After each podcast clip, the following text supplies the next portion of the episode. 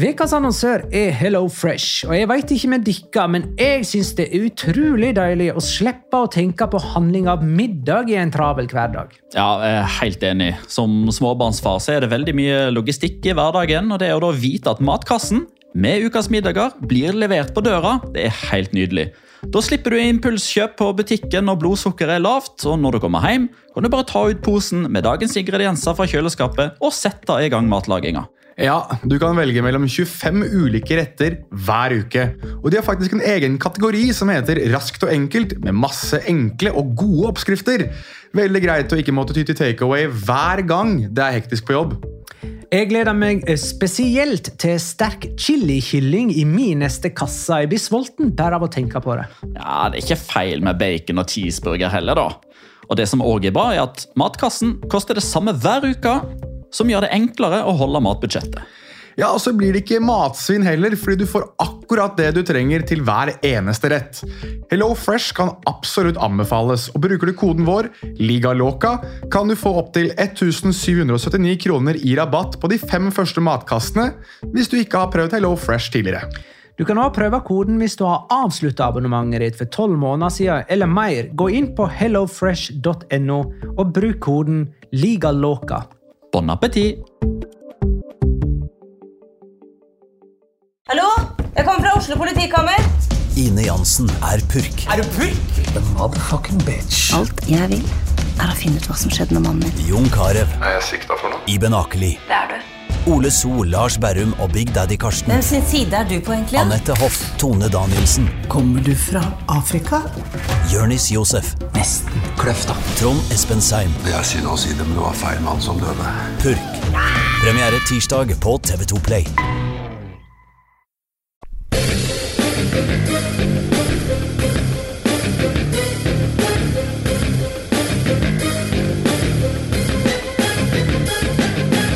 Har du sett? Spania gråter gledestårer av god landslagsfotball, mens verden gråt uten La Liga-fotball. I Wales gråter Bale over nok en skade, men Valencia gråter pga. Sasa-skade for Italia. Vi gråter fordi Magnar er i Paris, og vi frykter at PSG har betalt utkjøpsklausulen i kontrakten hans. Kom hjem, Magnar! Si nei til millionene! Kom hjem til La Liga Loca! La liga loca. En litt gærnere fotball. Ja ti- Den klarte du fint. Jeg gjorde det. Jeg gjorde det. Jeg var eh, Mens eh, Petter viser meg et bilde av Samuel Umtiti, som ligner litt på, på Carlos Puyol. I dag har vi ikke Magnar med oss. Han er da i, i Paris på eh, studietur, eh, får vi si. Vi får håpe at eh, Nasser El Khalaifi ikke kjøper han ut av kontrakten han har med oss, og at vi får han tilbake igjen i neste uke. Men denne uken så er det pasientene som kjører uh, asylet, og uh, Når eh, katten er borte, da skal dansen være veldig, veldig bra blant musene, altså. skal det sammen med meg, Jonas Giæver, og deg, Petter Wæland. Hei, hei. Hvordan har uh, uken uten La Liga-fotball vært, Petter? Har du Forferdelig! Jeg skulle til å si, har liksom farger sett litt bedre ut? Har, har lukter vært litt sterkere? Har, uh, har du på en måte fått noe, noe mer inntrykk uh, av verden rundt fotballen, eller har det egentlig bare gjort vondt? Det har gjort vondt, fordi nå har fruen omsider klart å overbevise meg om at jeg har tid til å rydde garasjen hjemme, mm. og boden, Mm. og inne i huset, og i fotballbua. Eh, så eh, vær så snill, la det være litt fotball igjen, sånn at jeg har unnskyldningene klar. Ja, da er det jo bare å se frem til denne uka her, da. Det er jo På slutten av uka så er vi jo tilbake igjen i godt gammelt kjør med fotball fredag, lørdag, søndag og mandag. Skal jeg fortelle deg en ting? Kjør på. Fra og med fredag 17. november Ja. til og med lørdag 23. desember, Mm. så er det kun to dager det ikke er fotball med spanske lag i aksjon. Hvis ikke det får deg, kjære lytter, til å bli glad, da vet jeg ikke hva jeg skal si. Kan rapportere nå om at uh, Petter ser ut som en blid liten skolegutt som nettopp har fått beskjed om at det er dobbel dose med altså, kosetid på Det ser ut som Ole Brumm, Ja, ser ut som Ole Brumm-genseren min. Det er det du gjør. Men kosetid var da du fikk lov til å Eller kosetime var da du fikk lov til å ha med godteri på skolen. For de som, eh, de som gjorde det. Jeg fikk da selvfølgelig overflod da jeg tok med godteri selv. Uh, men for å starte dagens uh, podkast, vil jeg først og fremst takke alle som kom på pokalen uh, sist torsdag. Det var veldig, veldig mange. Gratulerer til Abrakadamrabat som uh, stakk av med seieren. Uh, Petter, der, du var ikke der, men jeg kan eh, rapportere om meget, meget god stemning. Eh, og ingen hadde alle rette denne gangen heller, så eh, vi har eh, tydeligvis en quiz som fenger ganske så bra. Hva, hva, husker du et av spørsmålene som ingen kunne svare på? Ja, det gjør jeg. Det var et av mine spørsmål, det. Eh, hvilken, eh, hvilken fotballspiller, eller forsvarskjempe, sa jeg, som har spilt i fire VM, men som aldri har spilt en eneste Ja, VM-kvalifiseringskamp? det var han eh, italieneren. Ja, det var Giuseppe Bergomi. Som eh, ikke har spilt noen kvalikkamper for Italia, men spilte fire i 82, 86 90 og 98. Eh, 90 og 98, stemmer. Eh, men jeg vil også, siden jeg, eh, jeg er den som repeterer det i hver eneste episode, ta en kommentar vi har fått på, på eh, iTunes, som vi har fått av en person som kaller seg for Tolvfinger. Som eh, jeg synes oppsummerer litt hva vi prøver å gjøre med denne podkasten her. Og han skriver Han gir oss fem stjerner i iTunes, det håper jeg alle andre gjør også, og skriver gjerne en liten hyggelig kommentar. Eh, han skriver at på bare noen episoder har La Liga Loca klatret seg opp til toppen av den allerede folksomme fjelltoppen som er Norges fotballpodcaster. Dynamikken mellom de tre i studio er helt fantastisk. Humor, bromance slash brohate, kunnskap og engasjementet er i internasjonal klasse. Personlig har La Liga Loca minst doblet min interesse for La Liga, og den er fortsatt stigende. Tusen takk, gutter. Jeg elsker dere. Det Han ble varm om hjertet. ja, så jeg synes at vi har snak vi snakket mye om gråting i introen her, så er det i hvert fall eh, noe å smile for. eh, den hyggelige kommentaren fra, fra Tolfinger. Tusen takk skal du ha. Men nå skal vi snakke litt mer om det vi kanskje har kommet hit for, som er fotball. Og Norge har jo ikke prestert så veldig bra denne gangen heller. Tab, Hæ? Hva snakker du om? Tap 0-2 mot Makedonia Skopje. Goran Pandev, som eh, jeg trodde var eh, 53, skåret, eh, skåret igjen. Men, men Spania, Petter. Mm. 5-0 Ja. mot Costa Rica. Ja. Hva sitter du igjen med? Jeg sitter igjen med en uh, forsterka følelse av at Spania igjen er i ferd med å, å nærme seg en form for topp. Eh, hvor langt unna de eventuelt er denne toppen, og hvor høy toppen kan vise seg å være, det gjenstår jo å se. Men eh, jeg syns at uh, Julen Lopetegi har gjort veldig mye bra. Eh, han har tatt Spania til VM, eh, så klart, eh, får man jo si. Men samtidig, i gruppa med Italia, så er ikke det bare å legge seg i stresslessen og ha, hodet ba eller ha hendene bak hodet og bare tro at ting gjør seg sjøl. De tok seg til, til VM uten å måtte gå gjennom playoff. Eh, de har hatt nå Det er vel 15 kamper de har spilt under Lopetegi som trener. De har ennå ikke tapt. De har skåra 49 mål på de 15 kampene. Og de har møtt ganske mange gode motstandere. De har møtt Italia både hjemme og borte. De har møtt uh, Belgia borte. De har møtt England borte. Eh, nå skal de møte Russland borte i morgen. Det blir òg en tøff motstander. De har møtt Colombia hjemme, Costa Rica hjemme. Frankrike borte. Så det er liksom ikke bare Liechtenstein og San Marino og Luxembourg og Andorra og Island og Eller Island går for så vidt eh, ikke inn under den kategorien der, sorry mine brødrer. Men uh, det er liksom ikke bare sånne miniputter man har slått. Nei. Man har faktisk gått uh, ubeseira nå siden man tapte mot Italia i EM i 2016.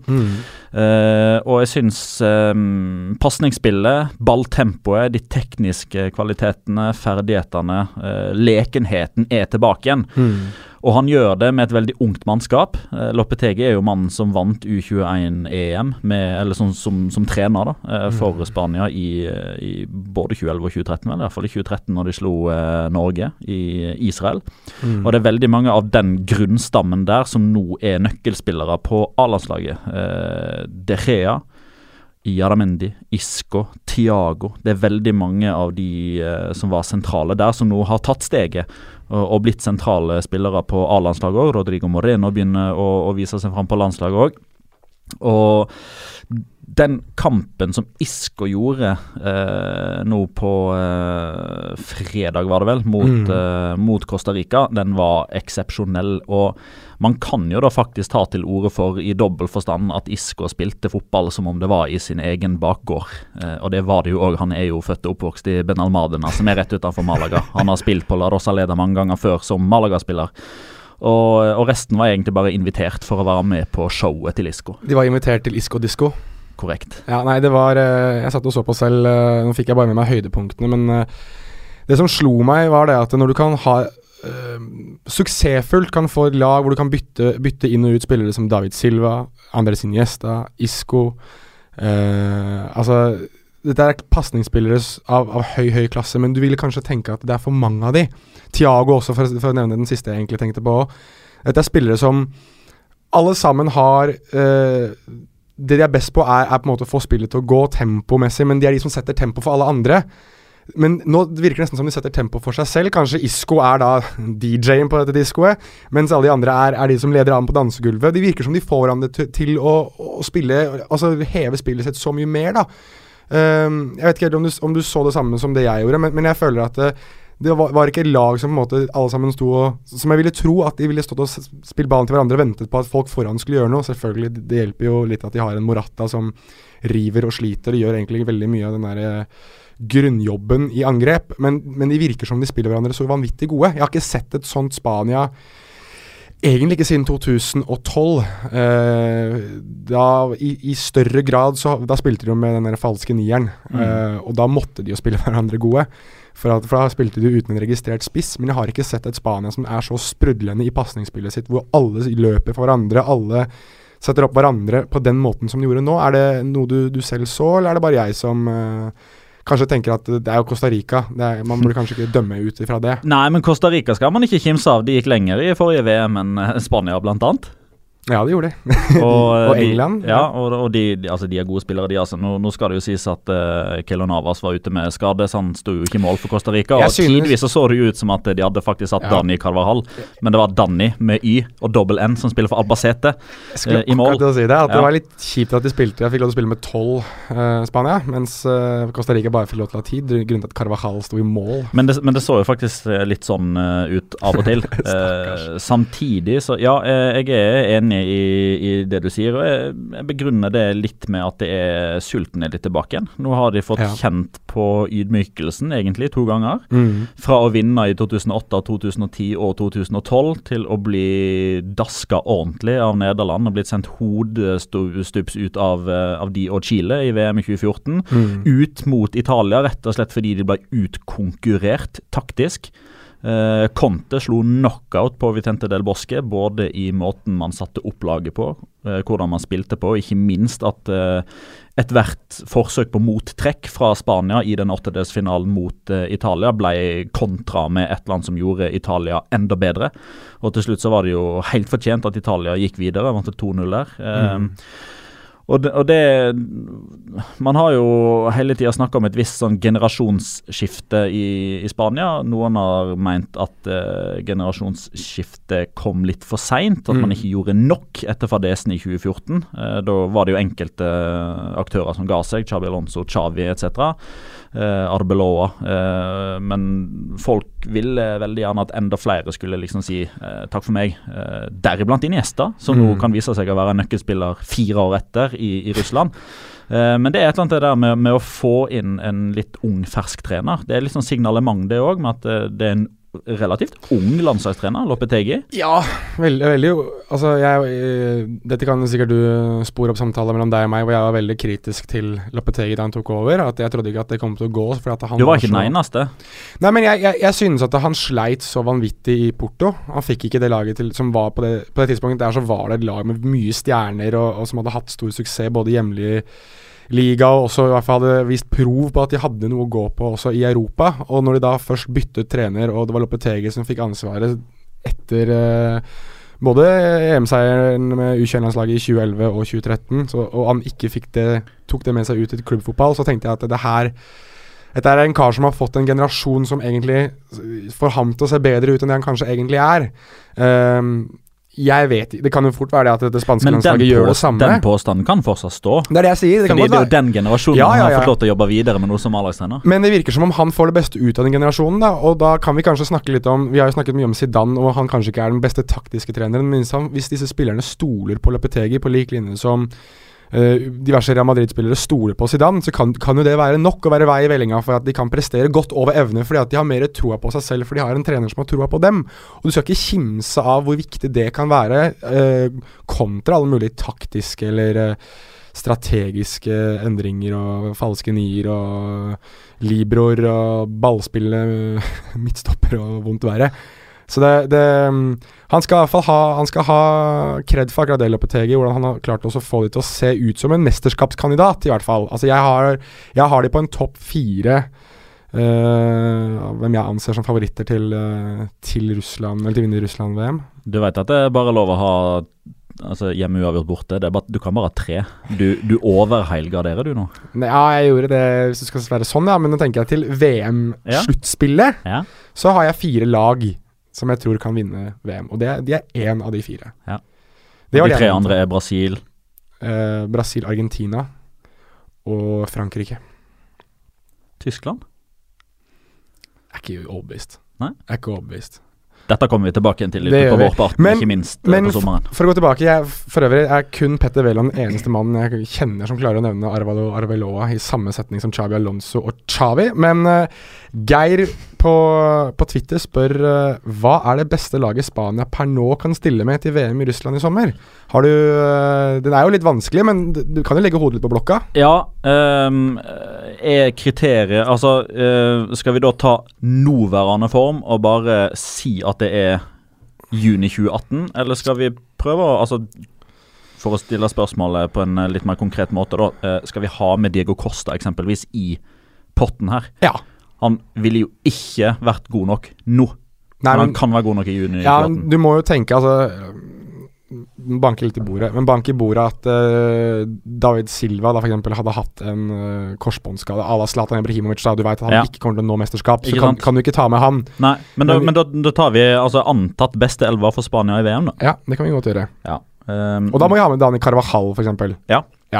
Uh, altså det Jeg, sy jeg, jeg syns faktisk det er vanskeligere å ta ut uh, 23 mann i troppen enn 11 mann til å starte. Ja, Geir spør om elver, Ja. så du kan eh, Eh, Det beste laget, og da vil jeg vel tro at det er uh, Ja. Da er det jo eh, Daniel Hall på høyrebekken.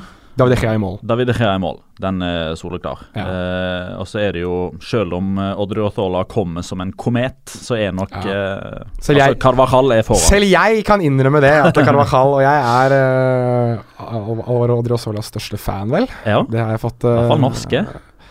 Ja, det er jeg og Josu eh, Ja. Galdos som eh, Vi er vel én og to, eh, to og én, alt ettersom hvordan du ønsker seg se det. jeg, jeg tar siste pallplassen. her. jeg er veldig, veldig glad i Alvaro Odriozola. Ja. Men uh, det er Carvajal som tar den. Ja. Uh, Alba tar motsatt. Ja, enig. Uh, så er det jo selvfølgelig vanskelig å komme foruten Ramos og Piquet. Ja. Der syns jeg det fortsatt er et sprang ned til nummer tre. Eh, og jeg er litt usikker på hvem som er nummer tre, egentlig. Er det Nacho, er det Bartra, er det Havi Martinez, er det Inigo Martinez? Det Men jeg tror at hadde du hatt en Hadde for eksempel i toppform, da, og han hadde bestemt seg for å spille for Spania, så tror jeg Aymeric Laporte fort kunne vært eh, og involvert seg der oppe. mm. Men i hvert fall uh, Det skal ikke- vi jo faktisk ikke utelukke. Nei, han har snakket om det nylig, om at, han, om at Spania fortsatt er på han, og Ja. at han ikke vet om eh, Frankrike kommer til å være like sugne. Og nå Mm. begynner det å haste litt, hvis han skal spille et mesterskap. Ja, ja, det gjør det. Uh, og med de der knærne hans, så kan det jo fort være at han må ta de sjansene han får. Ja. For får du først en, et korsbåndsbrudd, så Eller røket korsbånd, så er det kanskje greit å ta med sjansen når det kommer. Men la oss, la oss flytte oss over til midtbanen, da du spiller med en treer. Ja, eh, den dype er det jo ingen tvil om. Der skal Busquets regjere. Ja. Uh, og jeg syns det er Men er det like klart nå som før? Ja. Ok, Det syns jeg. Uh, altså er, utfordreren der er jo Asiri Adamendi. ja, det er det jeg mener. Som har hatt en kan kanonsesong så. Ja, men Nei, Busquets er fortsatt ganske langt foran der, Ja, syns, jeg. Jeg må spille djevelens advokat, selv om jeg er helt enig med deg. Jo, jo, det er jobben din i dag, det. Det er faktisk det. Eh, og så eh, er det jo òg, altså Tenker vi potensialet, tenker vi det han har å tilby i form, så skal jo Iniesta selvfølgelig starte. Ja. Ja, ok. Han, Mm. Altså Spanske fotballspillere, når de er på sitt beste, Mm. så er Iniesta der inne. Så, så to av de tre syns jeg er ganske udiskutable. Ja. Så kommer det store spørsmålet. Hvem skal inn som uh, høyre indreløper? Er min klar. Ja, OK. Eh, jeg sliter veldig mellom å bestemme om det skal være Kåke, om det skal være Soul, om det skal være Tiago. Mm. Ja, jeg, eh, jeg Spørsmålet er hva slags spiller man vil ha. Fordi det er tre litt forskjellige typer. Altså Tiago, da får du pasning, pasning, bevegelse, pasning, teknikk. Eh, man får eh, det man så mot Costa Rica. Ja. Det får man eh, maksimalisert med Thiago, hvis man ønsker den type spillestil. Kåke får man en bedre dødballfot. Han kan slå både eh, kort og langt. Saul, da får du litt mer trøkk. Eh, du får litt mer gjennombruddskraft med ball, litt mer duellstyrke, langskudd. Da kan vi, kan vi faktisk eh, ta spørsmålet til Nikolai Esse Berge mens vi er i gang òg, for han toucher litt inn på, inn det her. Han spør om, om hva som har skjedd i styrkeforholdet mellom Kokki og Saul. Om Kokki har stagnert, eller om det er Saul som har tatt store steg, eller om det er litt av begge deler. Litt av begge deler. Eh, og Så skiller det òg to og et halvt år mellom de. Eh, tre år sånn eh, aldersmessig, 92-95. Eh, så Saul er jo på mange måter inne i et langt større momentum i karrieren sin, der han Mm. nå prøver å ta det steget som jeg syns Kåk ikke har klart å ta. Kåke var på terskelen til å bli en verdensstjerne. Ja, Eh, det er han ikke akkurat nå. Eh, og det er ikke pga. at han er skada og stått over de tre-fire siste kampene til Atletico, eh, som ikke lenger, eh, i hvert fall ikke akkurat nå, da, er på samme nivå som de foregående sesongene. Men eh, jeg syns det, det mangler litt sprut i Kåke. Eh, han har jo blitt eh, 25 nå, eh, født i 92. Han har spilt kamp inn, kamp, ut for U21, eh, A-landslag og Atletico Madrid i, i seks år på rad nå. Han har et så vanvittig belastning på kropp og hode uh, over de siste fem-seks årene at eh, jeg, frykter litt sånn at det han er inne i nå, er en litt sånn uh, vanskelig periode, der han kanskje sliter med å motivere seg litt, grann, der han føler at han har kommet inn i en litt sånn ond sirkel som han ikke kommer seg ut av. Mm. Lenge siden han har slått eh, et anselig antall målgivende pasninger i løpet av I løpet av en sesong. Så, og, og Saul, han, han er litt mer eh, han, han er litt mer framme i skoen. Eh, altså Når jeg ser for meg Kåke og Saul, så ser jeg Kåke for meg som en litt sånn En litt avslappa fyr som er så trygg på pasningsfoten sin at han kan av og til se litt uengasjert og daff ut. Giddalaus er det vi pleier å kalle det her. Ja, eksempel. Det kan være et fint adjektiv. Uh, mens Saul er den typen som du nesten må Du må nesten ha livtak rundt han for at han ikke skal bare løpe, løpe, løpe. løpe. Du må nesten du må stroppe han fast til senga for at han skal sove om natta. Ellers han har han vært ute og løpt. Ja, det er vel uh, gamle historien om Arturo Vidal, det. Som etter fotballkamper pleide å ri hester, for han hadde så mye energi i kroppen da han var ferdig. Uh, På stranda, eller? På stranda, men det er fortsatt uvisst om det var i Torino eller hvor det var hen. Jeg, jeg fikk høre Torino, men så fikk jeg høre andre at det er ikke, det er ikke strender i Torino. Nei, det- det, den må være kunstig i så fall. Det må være en inn, rundt en innsjø i så fall. Jeg lurer på hvor det kan ha vært. Altså. Jeg er helt sikker på at jeg har lest en historie om at uh, Arturo Vidal etter fotballkamper hadde så mye energi i kroppen. Kan han han hadde såpass mye energi at han rei en hest fra Torino til stranda? Det kan godt være. Det kan godt være. Mot Middelhavet? Han er veldig glad i hester. Det er for øvrig Alvaro Odriozola. Bare for å påpeke, jeg leste et intervju med han nylig hvor det er hans store lidenskap. Ja. Det- fotballen. At han er veldig glad i hester. Ja, det minner meg om at uh, du, kjære lytter, må gå inn på Google og søke Asier Yaramendi og Pony, altså ponni. Det gjør vi ikke akkurat nå. Men eh, jeg, jeg eh, velger eh, jeg, Jeg må bare se hva som kommer. Nei, det trenger du ikke. Men skal vi, skal vi velge en spiller, da? Jeg, jeg, den som var soleklar for meg, var, var Saul. Det er min uh, inderløp ved siden av. Hvis jeg skal Iniesta, så må jeg ha noen som har litt mer trøkk. Ja, jeg ville valgt uh, Tiago. Jeg ville det, altså. uh, Asier Adamindi og, og Pony, det, det funker. du hadde valgt dem, sa du? Ponnien. Tiago. Thiago. Ja. Men da har vi Da blir vi uenige der, da. Ja. jeg jeg syns at det Altså, du kan ikke ha Busquets har ikke beina lenger, greit, nå kan han ha posisjoneringa si. Iniesta er egentlig litt undervurdert, syns jeg, hva angår Mm. eh, defensiv uh, jobbing. Men jeg vil ha et rivjern ved siden av eh, de to. Altså, jeg vil at de to skal kunne passe på å stabilisere midtbanen og få spille i gang rundt. Og så må jeg ha Saul til å løpe litt og, og egentlig skape total kaos for motstanderen. Spesielt disse dager hvor 3-5-2 uh, og, sånt, og så videre er, eh, er i vinden, så må jeg ha det. Ser den. Uh, men da skal vi også ha to kantspillere. Da Ja, Silva er jo udiskutabel. Begge er udiskutable. Silva- Isco. Ja. Ja. Kan ikke, kan ikke gå ved. Altså Det er innoverkanter, men da får du, da får du Carvajal og Alba får lov til å løpe fritt på Mm. sine sider. Ja. De to uh, skaper uh, nydelig fotball innover i banen, og så har jeg, har jeg uh, Jeg har Alvaro Morata hele på topp. Ja, jeg òg har det. Jeg syns det er vanskelig å argumentere for noe annet. Selvfølgelig Dersom eh, Simeone Burgos og Profortega klarer å daske litt liv i kosebamsen fra Brasil, eh, som har blitt spansk, Diego Costa, Så Kosebamsen Costa, er det Kosekaosbamsen. Kaoskåret. Eh, uansett, så, så jeg, Men ja, jeg er helt enig med deg. Ja. Morata. Men, men da har vi En liten shout-out til Gait Katokero.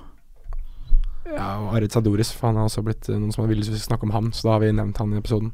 Uh, men da har vi De Gea i mål. Vi har Carvajal, Piquet, Ramos, Jordi Alba. Så vi er begge to enige om Busquets. Så er vi uenige om vi skal ha Saul eller uh, Tiago på ene midtbaneplassen, litt høyre banen. Høyre indreløper. Innerløpere. Og Iniesta som andre innerløper. Og så er vi enige om at vi skal ha Isco og David Silva som innoverkanter. Mm. Og Alvar Morata på topp. Ja. Og dit, hvor langt går de i VM?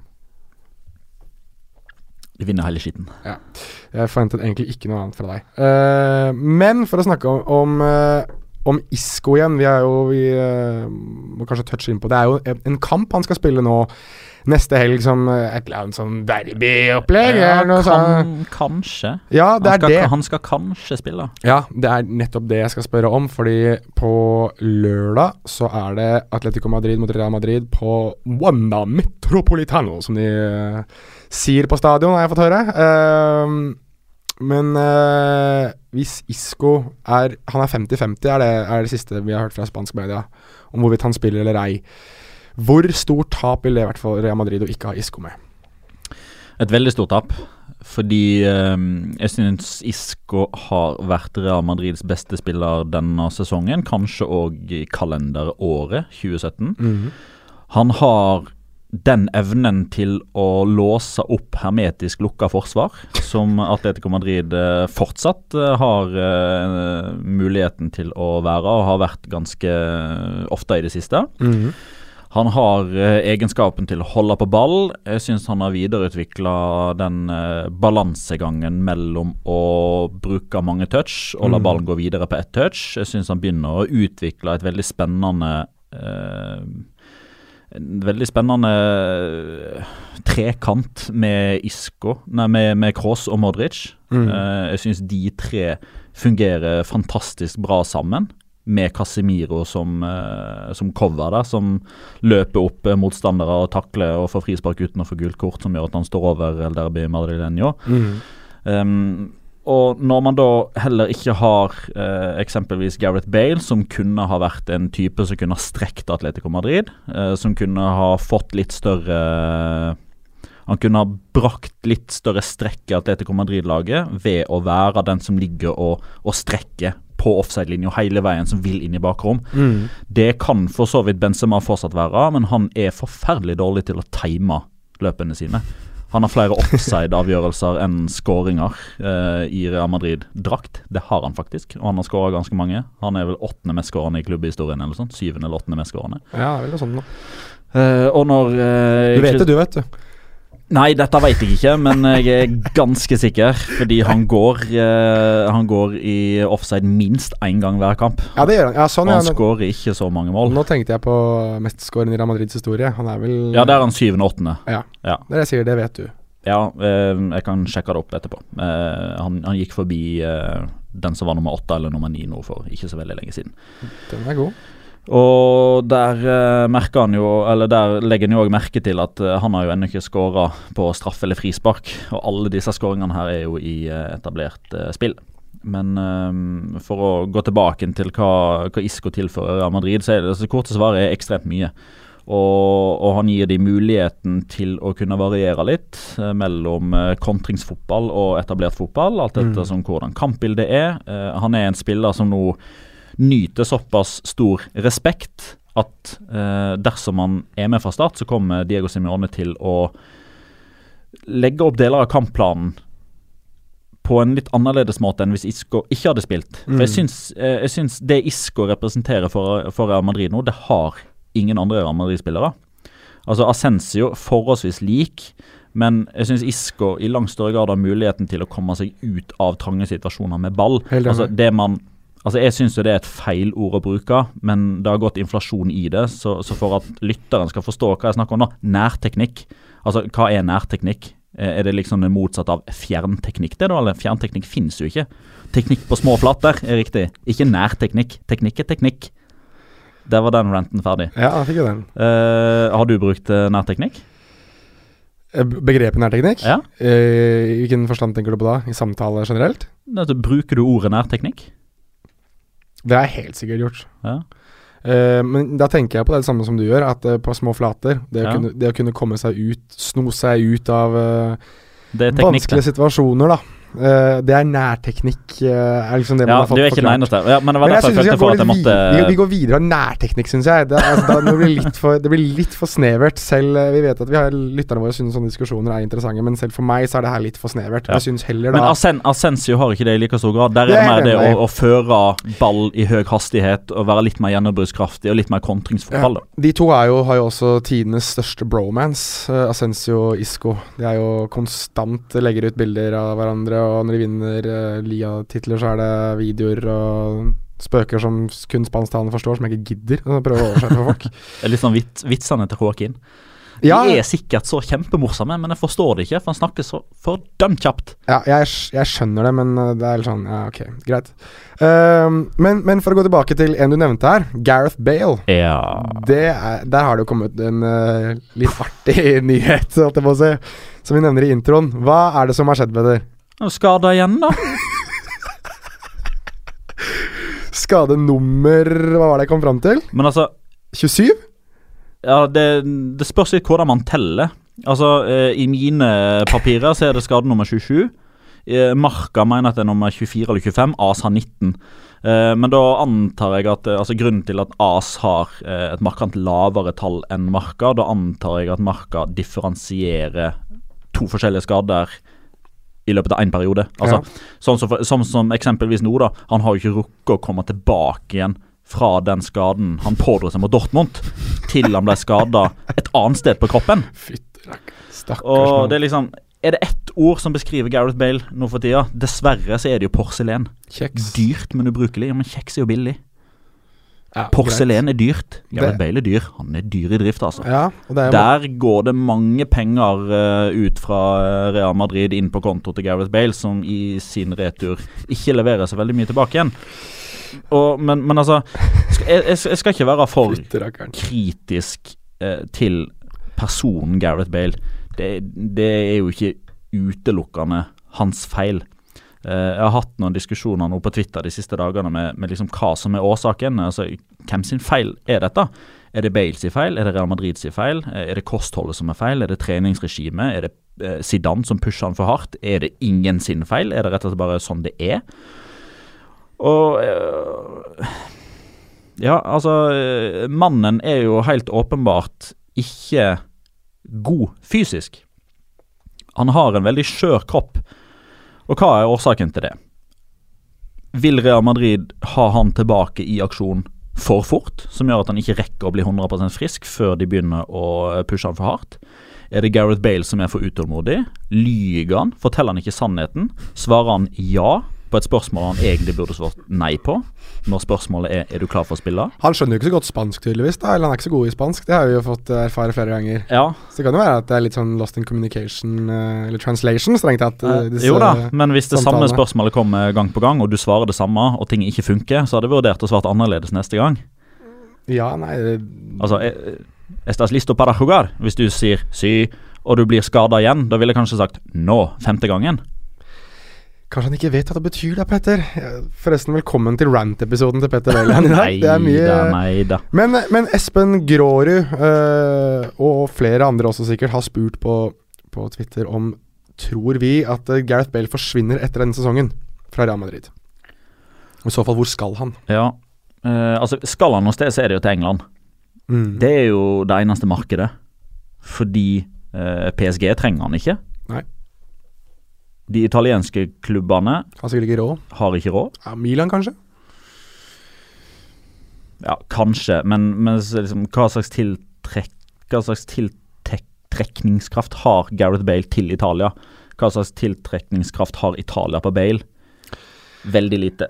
To Bayern München kjøper ikke Gareth Bale, enkelt og greit. Det gjør de ikke. Det er ikke en Bundesliga Bayern München-type spiller, enkelt og greit. I, I Spania, den andre klubben som har råd, det er Barca. De kommer aldri til å kjøpe han. Da er det de engelske klubbene. Primært Manchester United og Tottenham. Usikker på om Tottenham har den økonomien til å bruke så mye penger på én mann. Mm. Samtidig så, så er det jo dette her sånn økonomiske økonomisk eh, regnskapsspørsmål. Men altså, Tottenham fikk jo i sin tid eh, x antall millioner eh, pund for eh, Gareth Bale. Mm, eh, og, og den affeksjonsverdien ved å få han tilbake igjen ved at han er en gammel helt eh, som kommer tilbake igjen når nye White Hart Lane er klar, og, og den type ting. Det var nytt poeng òg. Eh, United sin interesse er jo velkjent, men samtidig, altså, hvis man skal tro at alle spillere som blir linka til Manchester United, faktisk havner dit, Mm. da bytter de 50 mann hver sommer. Eh, altså, Du kan jo si akkurat det samme om Antoine Griezmann. Eh, altså, det er ting som tyder på at han kan havne på Old Trafford eh, september 2018. Ja. Det er ting som kan tyde på at Bale gjør det òg. Men begge kommer nok ikke til å gjøre det, fordi det er ikke plass til begge to.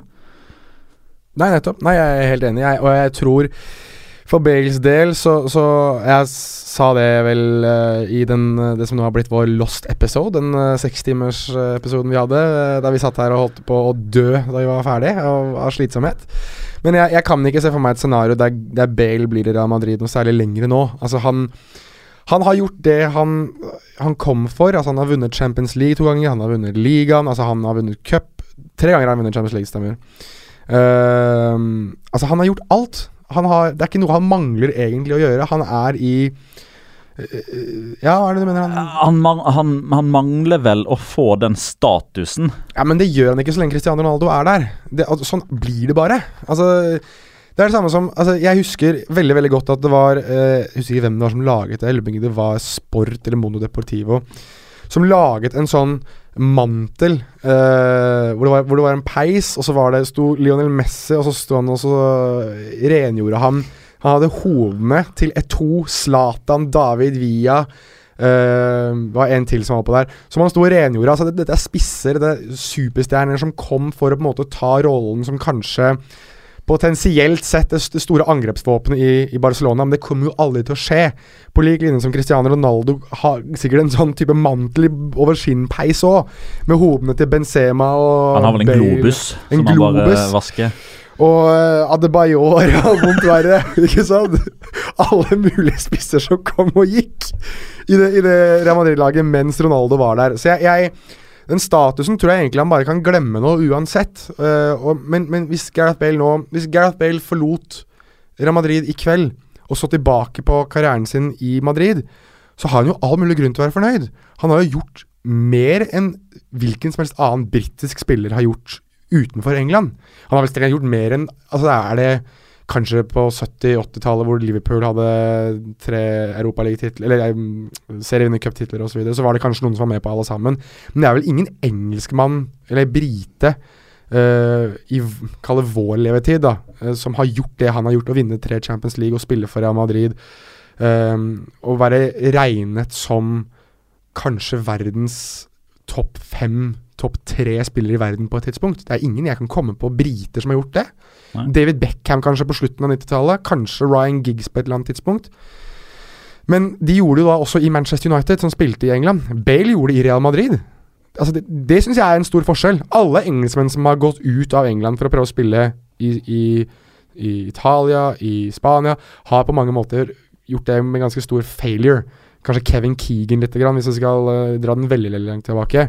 Men ellers så er det ingen som virkelig har vært fantastisk gode slik Bale har vært da på et tidspunkt. Og så er det det med Bale at han konstant har vært skada. Men det, hadde, det problemet hadde han jo i Tottenham òg. Altså han var jo skadet, Det var ikke sånn at han ikke var skada i Tottenham. Ikke like mye, men så har han jo også blitt eldre, da. Så, så det, Men det som er alarmerende her, er jo at det er jo ikke Altså Det er jo den type skade, da. Altså Det, det er jo det er mye muskelskader. så, så, Ja, men sånn som jeg ser det, da. Er det to typer gjentagende skader du skal unngå, så er det én kneskade. To muskelskade. Ja, ja. Har du rygg, ryggskade. trøbbel med en av de to, tre, Ja. da er det ting som har vanskelig for å slippe taket. ja. Og det er jo en av grunnene til at jeg er litt sånn usikker på hvem ønsker å betale det Florentino Perez vil ha for Gareth Bale sommeren 2018. Hvis disse skal Altså, det er jo ingenting som tyder på at dette her skal gi seg. Nei. Fordi det, det kommer støtt og stadig. Det kommer faktisk støttigere og stadigere eh, etter hvert som tida går. Og Det er kanskje fordi Gareth Bale blir eldre, muskulaturen blir dårligere. Eh, den blir mer eh, slitt pga. at han har skader på flere steder på kroppen. Eh, og, og, og uansett hvordan man vrir og vender på det, så kommer eventuelt da Manchester United til å by på en spiller som har spilt under 50% av kampene de siste tre sesongene, Mm. hvis denne trenden fortsetter. Og da er det ting, ting eh, som man da må, må, må spørre seg om, da. Hva betaler man for? Man betaler for fotballspilleren Gareth Bale, som spiller under halvparten av kampene. Og man betaler for produktet Gareth Bale, altså markedsverdien etc. Adidas-utøver. Eksempelvis. Og, og da, da er det nesten sånn at da, da, da begynner man nesten å snakke butikk, marked, Mm. mer enn man snakker sportslig gevinst. Men det er jo sånn fotballen har blitt. Det er en Ja. business. ja, og det er derfor jeg tenker at er det én klubb som tenker det, så er det Manchester United. Tror du ikke Ed Woodward sitter og tenker Bale 7-drakter til neste sommer, eller? Så klart.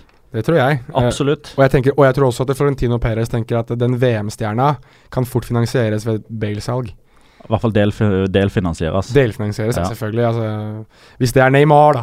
Så du vet Altså, vi vet jo det, at Perez kommer til å prøve seg. Hvis, det, hvis uh, Neymar og Brasil vinner VM, f.eks., og Neymar blir toppskårer med Mm. syv mål, så kommer de ryktene om Galacticos-signeringen til uh, Perez den sommeren der kommer til å være Neymar, Neymar, Neymar Neymar hele tiden. Og når han sitter og griner under pressekonferanser om hvor Jeg er så lei meg fordi alle disse ryktene om han uh, svirrer Han, han gråt vel fordi han ble så typ, rørt av det Tite sa, landslagssjefen.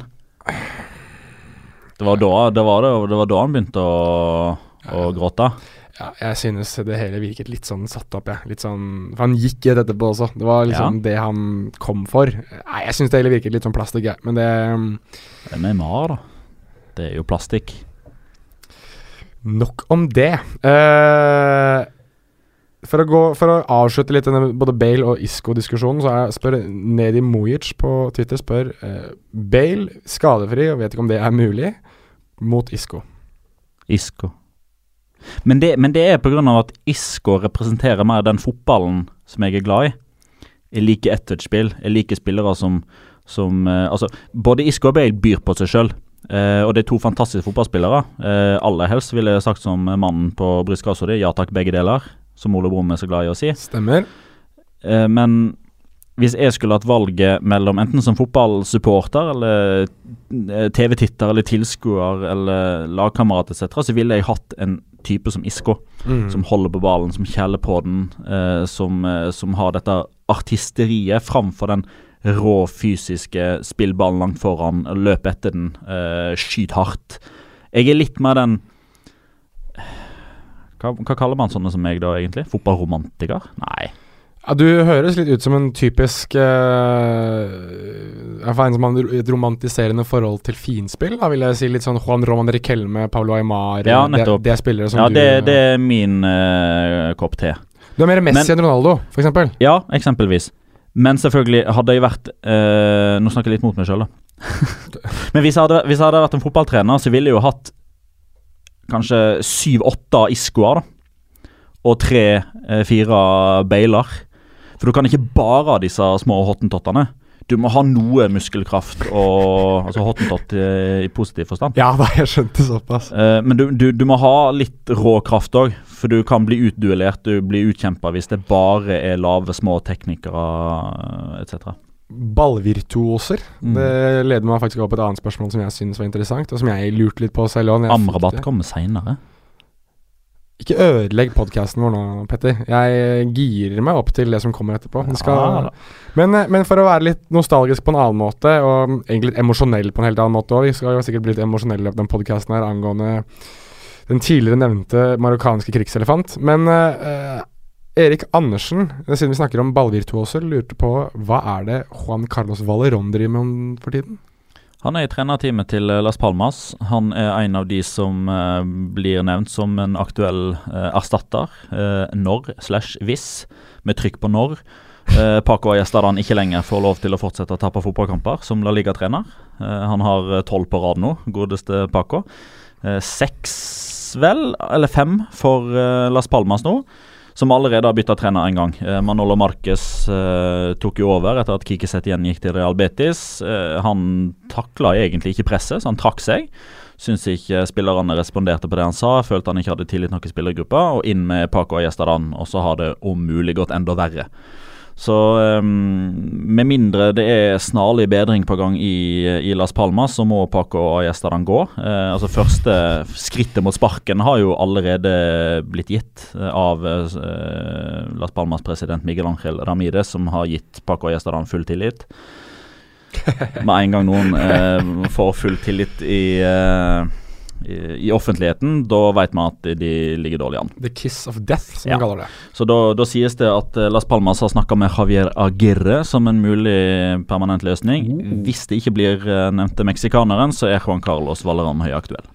Javier Aguirre, som i sin tid uh, ble spurt et spørsmål under en meksikansk pressekonferanse, hvor hans svar var Com perdón, pero no mames, som uh, veldig røft oversatt betyr uh, beklager, men uh, ikke sug.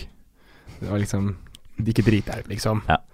Som jeg synes var, fikk et helt samlet meksikansk pressekorps til å bryte ut i latter. Og jeg lurer på om ikke den journalisten ikke, Jeg lurer på om det var noe greier med at han ikke fikk lov til å være, komme på pressekonferanser etter det. Høres ut som Javier Aguirre. Triste greier. Triste greier for stakkars Agirre. Men for å Nå hopper jeg veldig rundt, og dette er hvorfor, eh, hvorfor jeg vil at Magnar skal komme hjem, for jeg er ikke noe flink på det her. Men struktur! st- struktur er ikke jeg noe god på, og det vet Magnar er på struktur. Ja, det er ikke jeg, og det er ikke du. Som sagt, eh, som jeg sa tidligere i episoden, det her er i pasientene som driver asyl, asyl i dag. Uh, eller instalte er kanskje dette er blitt. Uh, men for å gå tilbake til Galehuset er vel heller mer riktig, med tanke på at vi heter La Liga Loca. For å gå tilbake til det jeg egentlig skulle inn på, før, vi, før jeg husket Juan Carlos Valerón-spørsmålet. Det er jo uh, Madrid-derby. Uh, en annen spiller som har sett veldig veldig vassen ut nå denne landslagspausen, er Antoine Griezmann.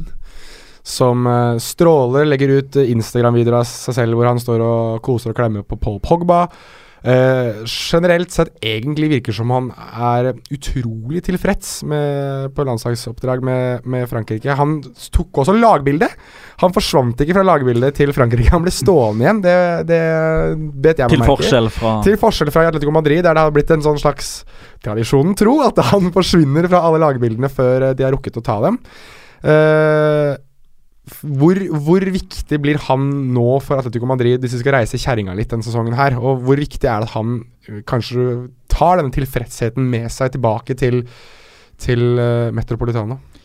Jeg tror uh, han uh, tenker litt det samme som Diego Simione nå.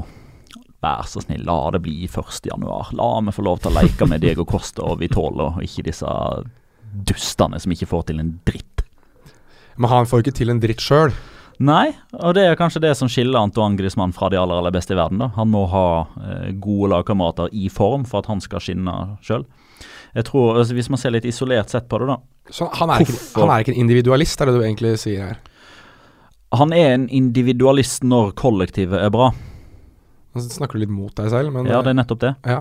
For individualistene de klarer å dra et helt lass med seg. ja. Eh, Antoine Griezmann drar mesteparten av lasset når han får hjelp til å dra lasset, hvis du skjønner. Ja, jeg, jeg skjønner hvor du vil. Jeg, Ja, altså, altså Antoine Griezmann hadde ikke klart å dytte en bil alene. Men han, han tar i mest når han får hjelp. ja, sånn, ja. ja. Altså, Hvis eh, hvis eh, elleve mann hadde dratt den bilen, og Antoine Griezmann hadde gitt seg, da hadde det ikke bilen rikka seg. Men han hadde ikke klart å dra den alene. ja. Det klarer Messi. Det klarer Cristiano Ronaldo. Det klarer Neymar. Ja, det er litt sånn gubben og gamla lå og dro, fikk ikke opp rota. Det er først når Antoine kom, så fikk de opp rota. Er det, det er det du prøver å si. Jeg skjønte ikke hva du sa nå, men det hør, det, ja, sikkert riktig. Gubben og gamla lå og dro. Har du ikke hørt uh, gode gamle norske visa? Ikke akkurat den. Nei. Kan du synge hele? Nei, det kan jeg ikke. Uh, men uh, Problemet for Antoine Griezmann er at Atletico Madrid blir litt for baktunge. Eh, jeg, jeg, har- prøvd å liksom finne ut hva er galt med Atletico Madrid, annet enn at veldig mange av nøkkelspillerne ikke finner formen på samme tid, og Diego Simione er en relativt begrensa fotballtrener eh, hva angår offensiv struktur og plan. ja. Jeg, sy jeg syns Diego Godin eh, egentlig kanskje har begynt å innse at han har et tempoproblem. eh, for jeg syns at forsvarslinja til Atletico Madrid den blir for lav. Ja. Eh, det gjør igjen at når de vinner ballen, så har de litt for mange meter opp til motstanderens mål. Eh, det blir litt for mye strekk mellom midtbanen og, og Forsvaret, der Gabi nesten alltid var først på eh, hodestøtene til eh, Godin og eh, Savic og Jimenez, altså når de vinner duellen. Og, eh, og, og ballen havner eh, foran der igjen, så, så er ikke det alltid Gabi som er først på den. Han er som Mm. oftest på den, men eh, ikke alltid. Og når Antoine Griezmann får ballen, så har han som regel nesten ingen i, i nærheten av seg. Altså Han må som regel enten forsøke å gjøre ting sjøl, Mm. eh, alene mot tre-fire eh, motstandere, eller så må han spille ballen i støtte, uh, og da er ikke det sikkert han får ballen tilbake igjen. Fordi de tekniske kvalitetene i Atletico Madrid-spillerne de, de er gode for all del, men de er ikke så gode. Og, og jeg syns egentlig at hans Altså Antoine Griezmanns eh, stagnering, kan vi kanskje si, eh, det, det kommer litt på samme tidspunkt der han har blitt spiss. Altså Antoine Griezmann for meg er ikke spiss. Han er angriper. Han er en som skal løpe, være bevegelig, trekke seg unna motstandere. Han er ikke en nier, men han blir brukt som en nier. Og det er helt feil.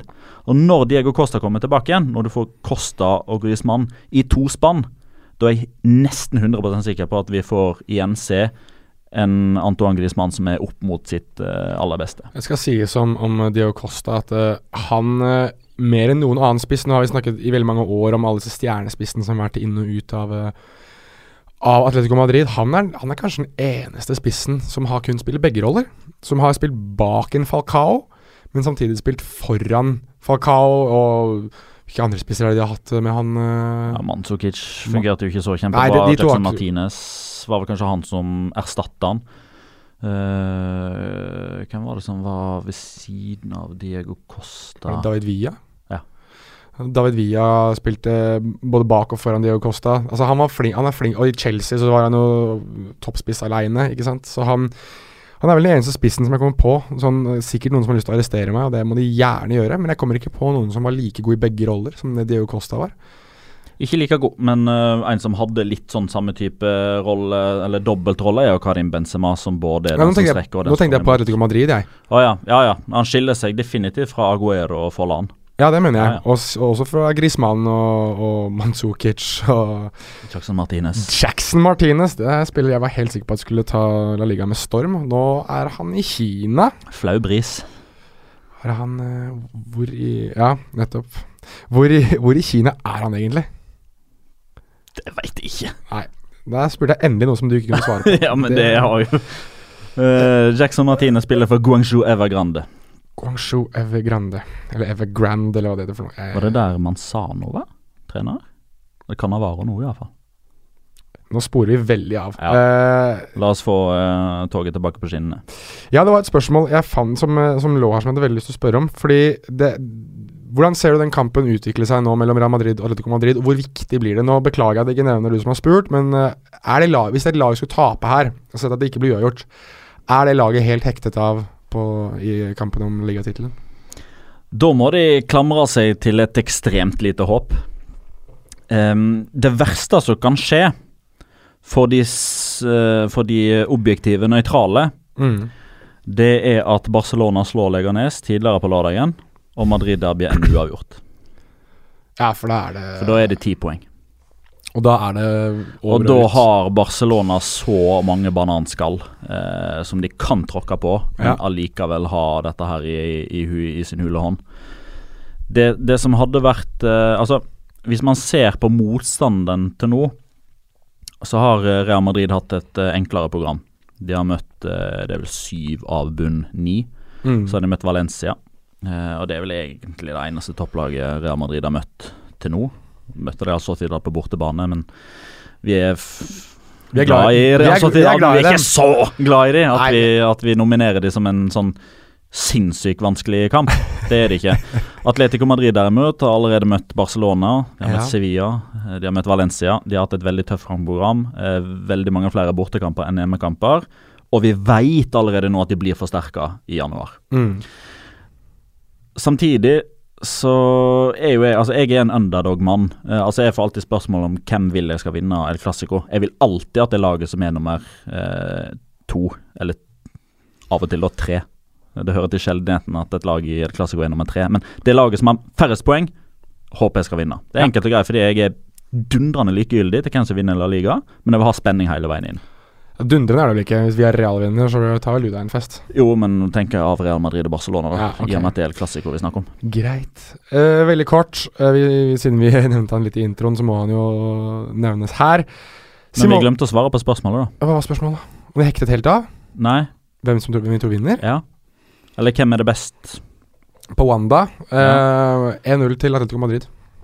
Ja. Det tror jeg Eh, faktisk. Ja, jeg må være såpass ærlig at eh, skal et lag vinne, så håper jeg at det er Atletico Madrid. Og det er jo pga. at jeg tror sånn innerst inne at Real Madrid har Nå kommer vi til å få så mye dritt etter oss for at du sier Jeg hører på at Atletico Madrid vinner. Ja, Petter, vi kommer til å få mennesker som mener at du nå er partisk. Ja, jeg er vel både Atletico Madrid og Barcelona og Retafe og Rayo Vallecano-fan, da. Alle i Madrid foruten Real Madrid. Sikkert.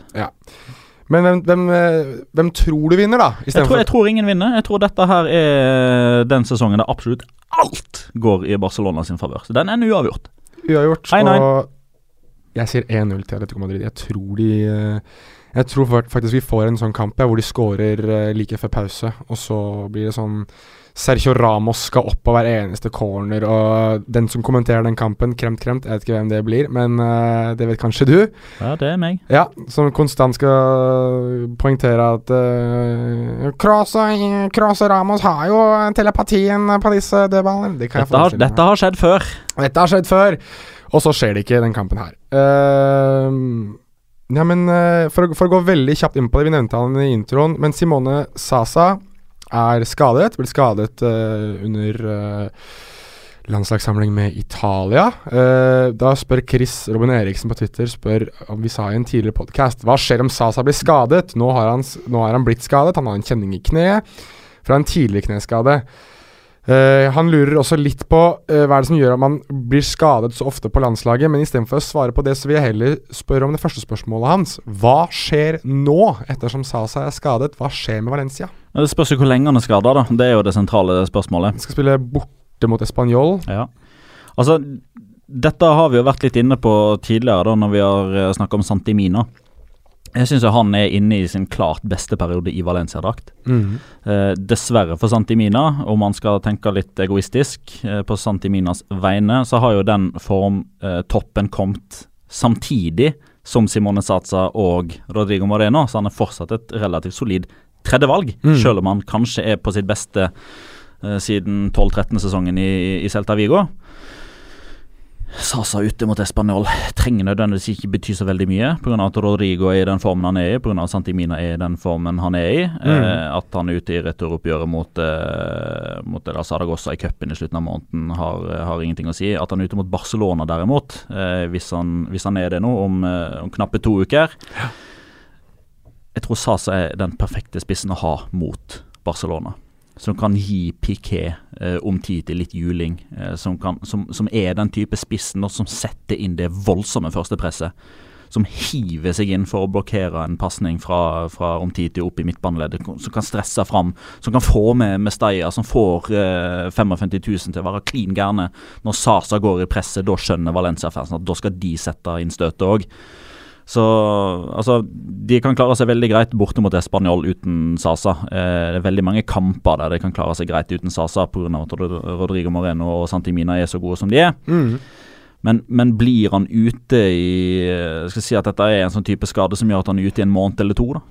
Så tror jeg dessverre det kan være enden på visa for Valencia som, eh, som lag nummer to på tabellen. Kneskade. Du nevnte i stad at det er den skaden du ikke vil ha, og hvis det er en kneskade, så Hvis det er en leddbåndskade eller korsbåndskade, eh, da, da er det jo snakk om eh, minimum fire måneder, eh, kanskje opp i et halvt år. Ja, et halvt år, Men Mest dette er ikke en sånn type skade, etter hva jeg har lest. Det er snakk om noe smerter i kneet. Det er ikke noe som er Altså, hvis man, hvis man ryker leddbånd eller, eller korsbåndet, da, da skjønner man det på mange måter med en gang. Mm. Da kommer den frykten med en gang på at man er ute i, i et halvt år. Smerten er mer markant. Det virker ikke som at dette er en sånn type skade, men at det mer kan være kanskje overstrekk eller et eller annet sånt. Mm. Eh, så jeg får jo bare krysse fingrene for Valencia-fansen sin del at de får se Sasa tilbake igjen eh, så fort som overhodet mulig. Og så, kanskje kan det være lurt om Marcelino egentlig bare tar den sjefsbeslutningen. at Han spiller ikke mot Español, for dette vi vil ikke risikere. Altså, Español borte, den kan vi klare greit, eh, uten Sasa. Det kan hende at eh, altså Hadde Sasa spilt den kampen, så hadde de vunnet 2-1, kontra hvis de spiller 1-1. Men hvis det betyr at belastningen på kneet til Sasa blir for stor for tidlig, og så ryker korsbåndet sånn ut i et halvt år, så er det en fatal beslutning. Ja, nettopp. Så vi får bare sjekke Super Deporte jevnlig og se hva de rapporterer fra Valencia. Ukens La Liga Locura. Locura. Locura. Locura. La Liga Locura. Ja, det Skal jeg begynne? er jo ikke La Liga Loca-episode uten Locora og Nei, det er Petter. ikke det. det, er ikke det. Eh, må jo forsøke å holde meg til klubbfotballen. da. Det har jo ikke vært så veldig mye av det. Men eh, YouTube-kontoen til eh, La Liga, La Liga Santander, eh, Mm. har brukt landslagspausen på å ha noen litt sånn forskjellige kåringer. Eh, og der har de faktisk, eh, Jonas Giæver, en topp fem redninger. Der redningen til Raúl Fernandes ikke engang er med på topp det fem. ikke, det er ikke lov. Du skjønner hvilken jeg snakker om Ja, umiddelbart. jeg trenger ikke å tenke over det engang. Det, Det var den- vi det- satt og så live, Levante Valencia. Ja, Det er jo den sykeste Det er jo, det er jo nummer én for meg i år, det. Hvem var det de hadde som nummer én, de, da?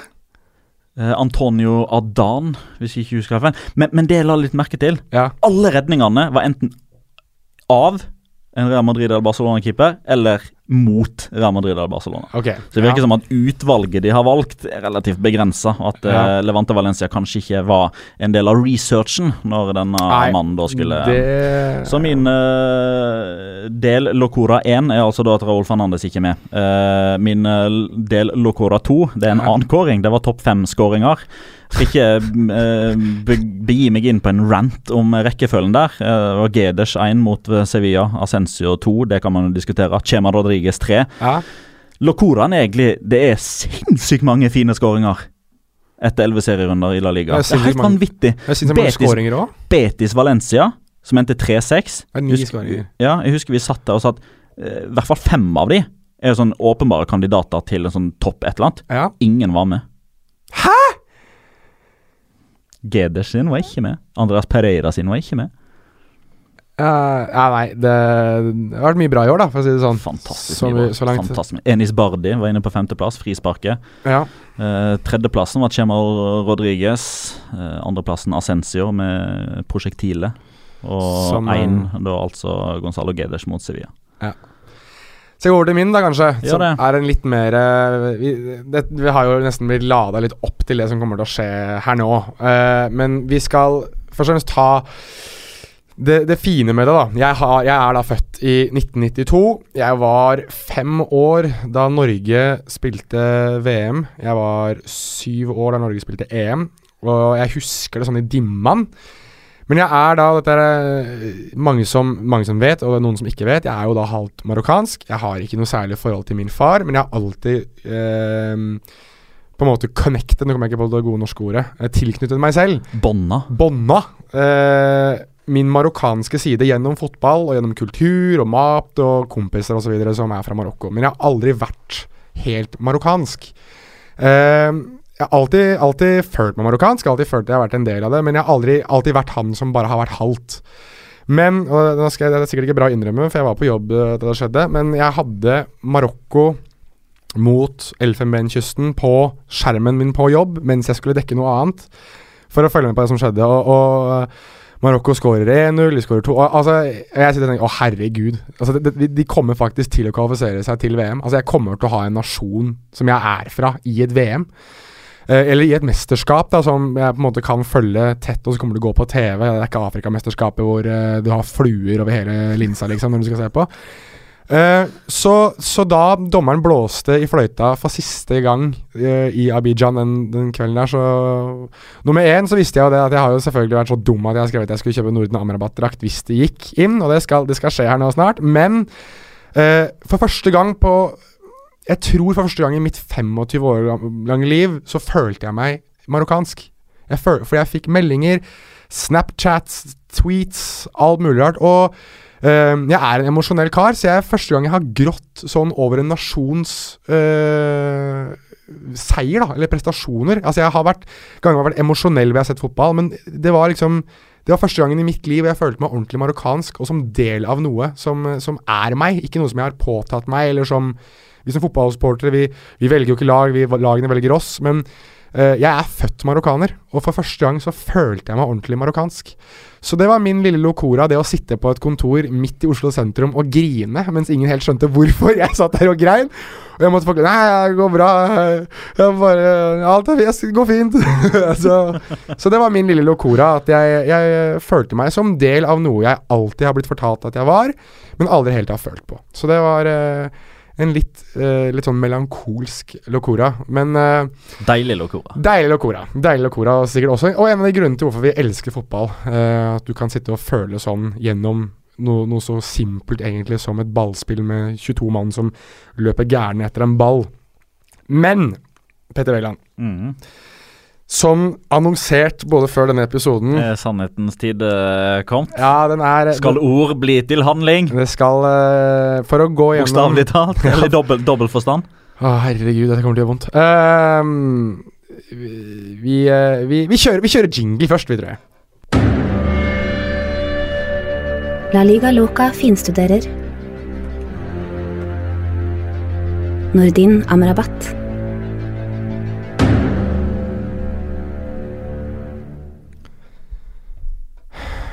Ja, eh, jeg er jo mann av mitt ord, da. Så eh, fra å snakke om noe veldig eh, nært og kjært mitt hjerte, til mitt hjerte, til noe som er mer hjerteskjærende enn noe annet, så har jeg jo da lovet at jeg skal kjøpe Nordin Amrabat-drakt hvis Marokko skulle ta seg til VM. Det gjorde de jo da. Amrabat gjorde ingenting, eh, i hvert fall ikke i målprotokollen, eh, til å Han var faktisk ikke så, han var ikke så ille, faktisk, skal jeg innrømme. Han, han og broren, faktisk, som også spilte den kampen, eh, Sofian. Så det er hyggelig for brødreparet Amrabat at de får spille i VM, men eh, Ja, Petter? Ja, deportivoleganes.com. Uh, Tienda mm. Det, altså, målet, målet, målet, her, Jonas, eh, ja. med den drakta det er Den skal jo tilbake til Spania og få en signatur på et tidspunkt. La Liga Loca meets prøver Nordin Amrabat. Du prøver, å, du prøver også å plante det her nå, at vi skal faktisk møte Nordin Amrabat en dag? Det skal vi. Vi skal intervjue Nordin Amrabat. Herregud. Vent litt, da. Uh, det, blir uh, La Liga Locora-episoden vår. Når, når, du skal forsøke men, å, for, men, å forklare han hvorfor nå din Amrabat er blitt en kulthelt i Norge.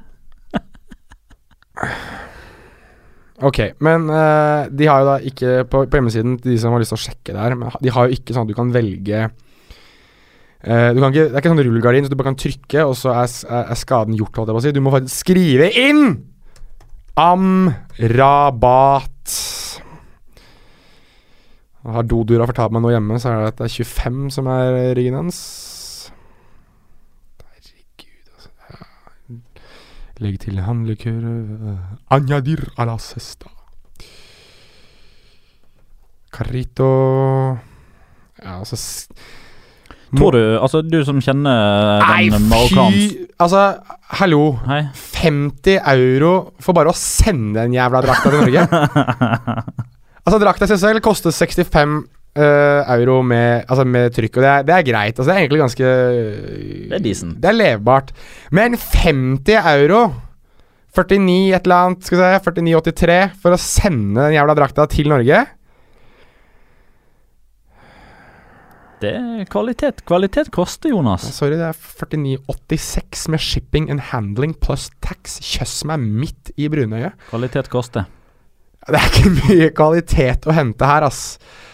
Men det er greit. Jeg øh, Men du som kjenner den marokkanske kulturen langt bedre enn meg. Ja. Eh, kommer Nordin Amrabat til, til, å være i stand til å spille mot Barcelona førstkommende lørdag, eller er han på heidundrende fest fortsatt? Nei, det, han, de dro rett tilbake igjen, faktisk. Til, ja. uh, de var ferdig Da det var ferdig, så ble spillerne sendt tilbake igjen til klubbene sine men ganske fort med en gang. Ja. Eh, så at Ashraf Hakimi var tilbake igjen allerede i, Ja, ok, i Så han er allerede i gang med å trollbinde folk i, på, på treningsfeltet igjen. Mm -hmm. uh, Nå må jeg skrive inn eh, litt sånn kontonummer og sånn. Det, um, Høytlesing på gang. det er ikke høytlesing på gang. Det er nettbanken min som skal få kjørt seg så så det synger etter greit. Og så Der er det gjort. Ja Da er eh, Nordin eh, Amrabat-drakt eh, er, eh, er bestilt. Eh, det Altså Må få en bekreftelse her, da. Ja, jeg har fått det her nå. Uh, Tiende Deportivo. Uh, nå får vi opp uh, Der. Der har du den! Uh, ja, altså Du trenger ikke å trykke Altså uh, Jeg vet liksom ikke helt eh, Dette er et stort øyeblikk i La Liga Loca Pod. Nei, dette her er helt jævlig, faktisk. Dette her er helt jævlig. Ehm, dette, jeg, jeg, kan, jeg kan si som så, jeg får fordi jeg ikke klarer å holde, holde kjeft. Så det, det er greit. Det er greit. Neste risikoprosjekt er at dette her skal muligens. Hvis Inigo Martinez scorer på Lerkendal, så eh, vet jeg faktisk ikke hva jeg kan forestille meg, Dere kan forestille meg eh, med, med Hulk Hogan-platina blondt skjegg og Nordin Amrabat-drakt. La ligga loca. Nei da, det er gjort.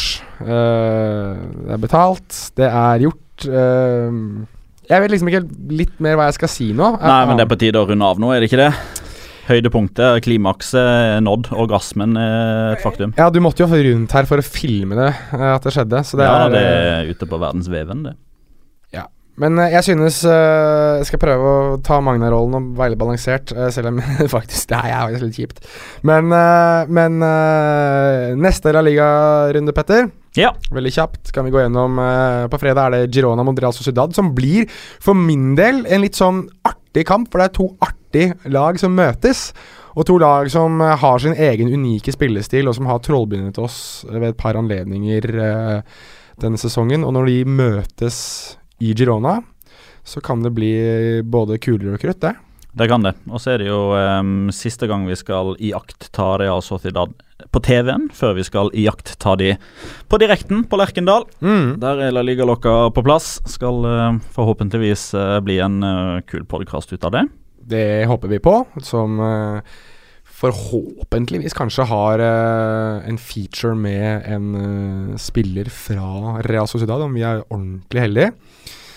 På lørdag så starter vi med Getafe Alaves, før uh, tidligere nevnte Leganes Barcelona, der uh, krigselefanten sikkert håper på å gjenoppleve mm, Glories of Past, mens jeg sikkert bare enda mer vondt av å tenke på at den drakta den uh, trykkes og smis, holdt jeg på å si, i uh, klubbshoppen på på Botarque, som vi har vært på.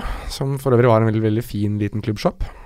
Uh, Sevilla Celta, den uh, kan også bli kul. Den er kul. Eduardo Beritza mot uh, sin tidligere klubb.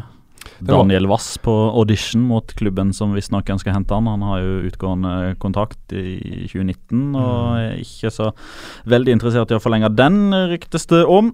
Det har vi også i fjor, på den kampen ja, der. Den kampen så vi. Sevilla mot Celta. Da vant vel Sevilla 2-1. Det stemmer. Uh, Jago Aspas på straffe for Celta, som beklaget seg til eh, supporterne. Ja, Der vi, vi sto bak det målet. Pablo Anandes ble vel utvist. Ja, det gjorde han. Stemmer. Artig kamp. Uh, Wissam Ben Yedder og Joaquin Correa, vel, Ja. for uh, Sevilla. Mm. Og så kommer høydepunktet. Så kommer høydepunktet på lørdagskvelden. Atletico Madrid, Real Madrid. Der vi uh, tror det blir målfattig, egentlig. Ja, det tror vi. Det tror vi. Men Men ja. Men det blir, det blir uansett spennende å se, for det, sesongen til de begge to uh, står og faller litt på den kampen her. Uh, lunsjkampen søndag. Jeg har et spørsmål. Has Mitchell been fired yet? No, he has not. Styrmann eh, spurte selv eh, Christian Holum spurte selv eh, på, eh, på pokalen om dette, og da måtte jeg da eh, skuffe, blir det vel, eh, og si at det har han ikke. Eh, Malaga Deportivo La Coronia. Uh, igjen Michels siste kamp nummer syv, sikkert? Eller Ja, eller. Han har hatt mange Ja, han har hatt mange av dem. Han er, han er ikke så flink til å ta farvel. Nei, han er ikke det. Han er ikke det, så vi får se om Skulle han tape mot Depor, så Da må det være kroken på døra. Ja, det må jo det. Selv så Borges med to skåringer. Uh, Spanjol Valencia følger, uh, følger opp. Klarer uh, eller uten Sasa. eller uten Sasa. Blir det Valencia-toget, eller er det Er det full stopp? Eh, Las Palmas Levante, der Las Palmas eh, ikke akkurat imponerer, og som vi har blitt Men der om- vinner de. Du tror det? Ja, jeg tror det. Da håper vi på tre gode Loic Remi-skåringer. Eh, for de som ikke er informert om det, Petter og jeg har jo et uh, sesongveddemål om Loic Remi klarer å skåre ti La Liga-mål. Så langt har han fire. Og den som taper, må jo da kjøpe en kasse øl til vinneren. Så den gleder jeg meg veldig til å drikke når sesongen er over. Skal dele med alle på moderne media. Uh, på kvelden på søndag, Atletic Club mot Villarreal. Vanskelig kamp for ubåten.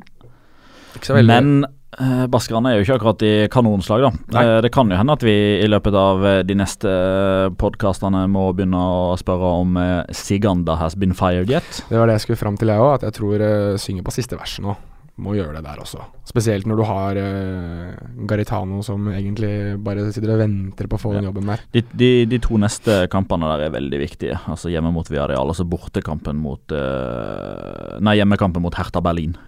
Der Europa League-avansementet på mange måter står og faller. Ja, nettopp. nettopp. Og så. Eibar mot Real Betis Ja. mandagskvelden. Flott underholdning med Betis på en eh, mandagskveld. Ja, det er vel uh, i hvert fall underholdning, kan vi si. Og apropos Betis, Alexander Skau. Respekt. Vi trenger ikke å si noe særlig mer om det. Tusen takk, eh, kjære lytter, for at du har hørt på La Liga Loca sin tiende episode. Nå, har vi alle, nå går vi alle tilbake på enslige tall i episodene våre. Det er eh, både litt moro og litt trist.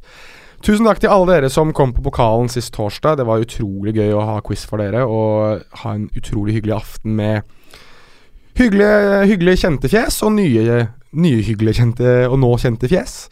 Eh, husk at du kan gå inn i iTunes og legge igjen en review og en liten vurdering. Det setter vi alltid kjempestor pris på. Det hjelper oss med å bli større. Så må du fortelle alle dine venner, alle dine uvenner, alle ekskjærester, kjærester, ektefeller, eh, mødre, fedre, barn, alt, eh, brødre og søstre, om La Liga Loca. Spre ordet. Vi koser oss uh, veldig med å se at det, det er flere og flere som hører på oss uke inn og uke ut. Og så Jonas, ses vi. nå begynner Italia-Sverige. Begynner nå. Logg av. Vi logger av. Takk for i dag. Ha det. Ha det.